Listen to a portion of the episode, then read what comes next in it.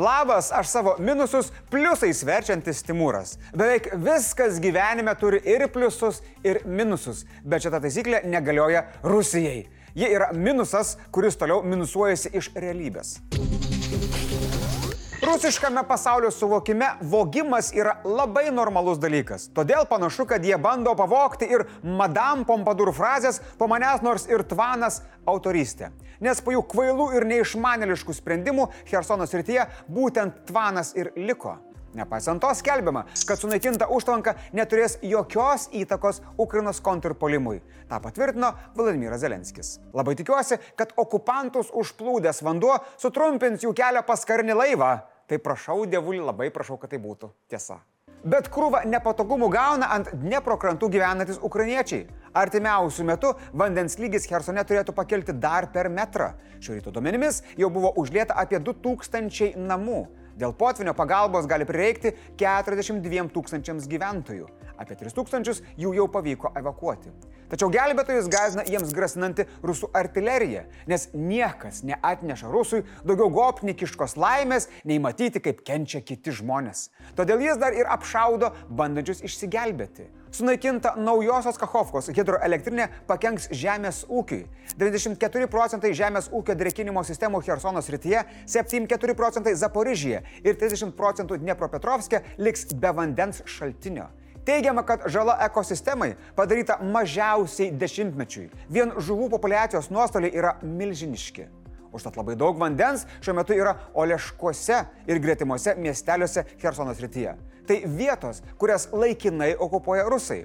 O kita svarbi vieta, kur vandens nebus dar labai labai ilgai, yra Krymas. Po užtvankos sunaikinimo vandenį į Krymą tiekti tampa fiziškai neįmanoma ir vandens ten nebus tol, kol neatsiras nauja užtvanka. O kada jie atsiras? Nu, iš pradžių reikia su putka susitvarkyti. Dėl Rusijos sukeltos katastrofos susirūpinimą išreiškė ir Kinija. Aišku, jie nieko neapkaltino, balso nepakėlė ir tiesiog ragino susirūpinti abipusės. Nu tai žodžiu, nieko naujo iš Kinijos. Mes tuo tarpu siunčiame Ukrainai pagalbą. Lietuvos Raudonasis kryžius iš visuomenės suaukotų pinigų skiria 1 milijoną eurų humanitariniai pagalbai, evakuacijai ir kitiems būtiniausiams poreikiams užtikrinti. O vidaus reikalų ministerija patvirtino, jog Ukrainai iš rezervo siūs 30 palapinių, 240 sudedamųjų lovų ir dar 50 tūkstančių eurų finansinę paramą. Padedam, padėsim ir nugalėsim. Slava Ukrainai! Oi, šiaip, pala, pala, dar labai įdomu pasidarė. Va dabar parašykite draugai komentaruose, kokius informacijos šaltinius apie karą dar naudojate. Pasidalinkite ir neabejoju padėsite ir kitiems. Kol į Hersono sritį sparčiai veržėsi vanduo, Ukraina pradėjo verštis į priekį aplink Bahmutą. Tai patvirtino ir Karo studijų instituto analitikai ir Ukrainos kariuomenės sausumos pajėgų vadas Aleksandras Sirskis. Ukrainiečiai Bahmute iš gynybos perėjo į polimą. Na iš ties, bus labai rusiška, kai devynis mėnesius stenėja, kovoja, už jį į faršą paleidę. Mažiausiai 20 tūkstančių rusų tą miestelį praras, va tiesiog va, va taip va, palauk. Va, nu va taip va, va tiesiog. Tada putka jau ne į lagaminą kakos, bus žymiai rimčiau. To ir laukiam. Būtent todėl teroristinė Rusijos federacija šiuo metu didžiausias pastangas deda į kontrpolimo sustabdymą ar bent jau atitolinimą.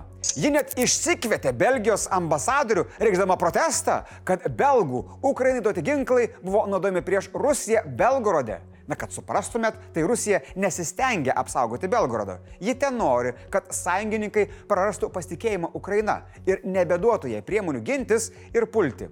Tai žinot, kai Rusija nebeturi karnės galios, beviltiškoje situacijoje grėbėsi paskutinio šiaudo, tai politinio spaudimo. Belgija jau pati pareiškė, kad tirs pranešimus apie jų pagamintų ginklų naudojimą Rusijos teritorijoje. Tad nenustabu, jog Rusija ir bando juos paspausti. Ji taip pat vis dar bando nužudyti kuo daugiau ukrainiečių. Į Sumų sritį buvo paleisti iranietiški bepiločiai. Vienas jų įskrido tiesiai į nuosavą namą, nužudydamas du ir sužeidamas žmogų. Raketomis dar buvo apšaudyta Avdyivka, dėja ten irgi neišvengta aukų. Draugai, jeigu jūs stebinčius karo Ukrainoje padėtį kartais apima, na, neviltis, ar dar koksai ten slogutis, aš tik priminsiu, kad geriausiai pagalba tokioje situacijoje teikia Blue Yellow numeriu 1482. Paskambini, paaukoji ir šviesos šiame tunelyje padaugėja. Seimo nacionalinio saugumo ir gynybos komitetas aiškinosi, kas ir ko neišnagrinėjo, tyriant valstybės saugumo departamento veiksmus dėl kandidatų į prezidentus Gitano Nausėdos komandos narių ir rėmėjų tikrinimo. Aiškintis liepia prokuratūra, kuri prieš mažiau nei mėnesį gražino skandalingąją pranešėjo istoriją tirti Seimui. Tuomet dabartinis komiteto vadovas Laurinas Kaščiūnas sakė, kad yra trys keliai.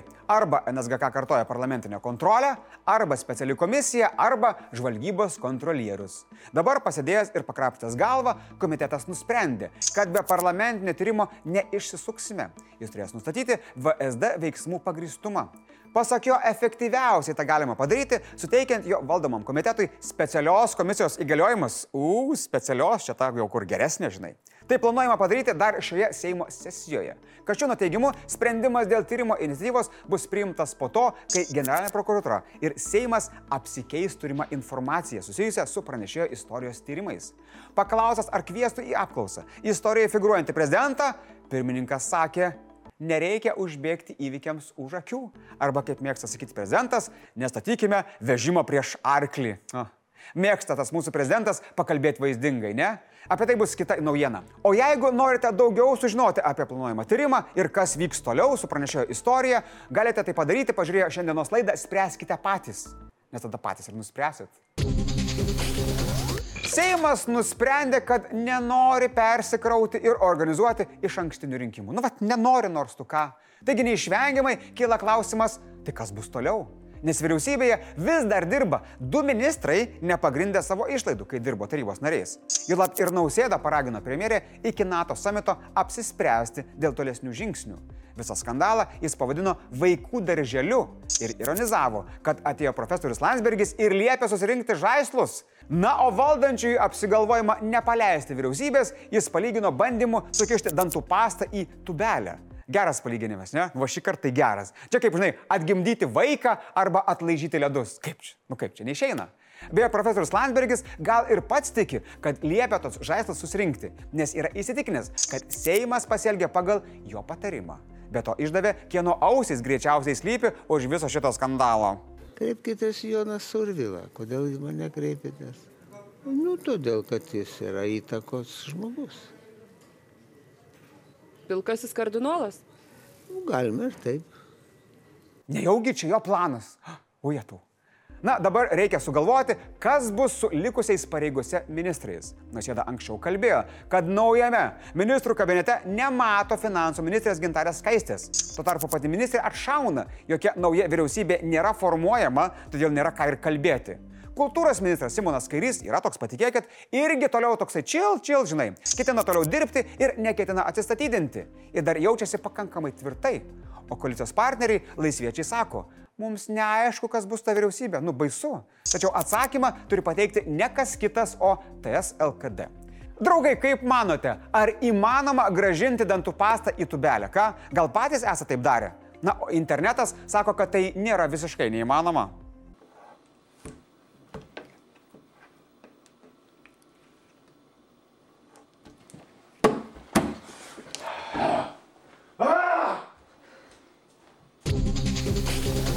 Blitz naujienos. Konstitucinis teismas paskelbė, kad neteisėtai sieną kirtų su migrantų priverstinis apgyvendinimas užsieniečių registravimo centruose po to, kai šalyje buvo paskelbta ekstremali situacija, prieštarauja Konstitucijai.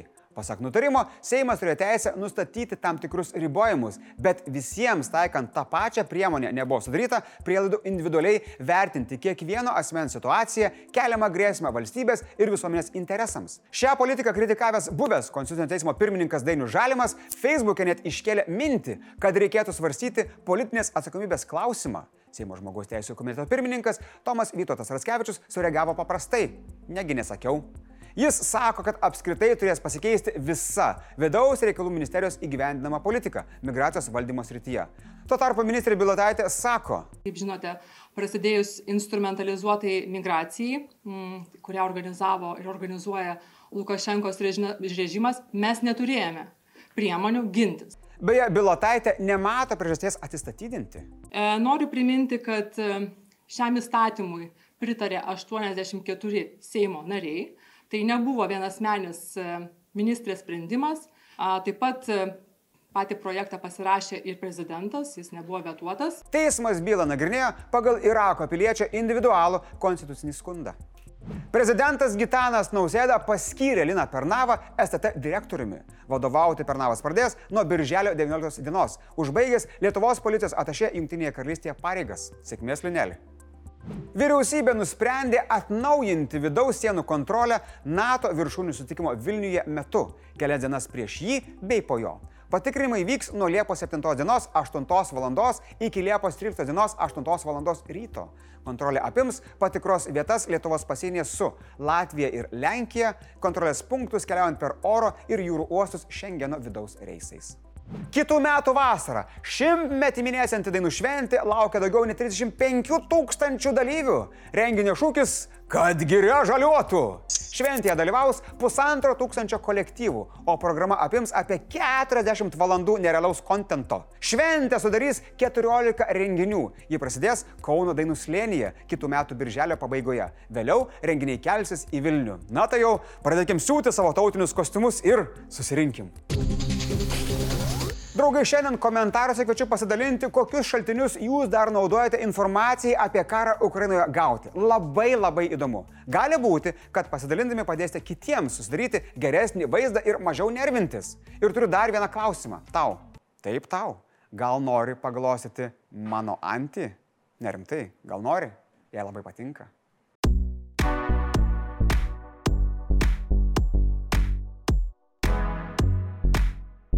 Komentarų apžvalga. Po vakarykštėmis žiniomis žiūrovai reiškia pagarbą Dominikui, jog Rusijai buvo parodytas vidurinis pirštas.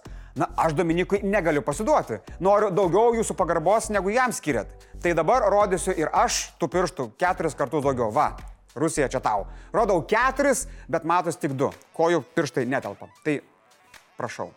Taip pat komentarą paliko ir nervas parašęs, kad tu Dominikai čia mozoji, eik šalin.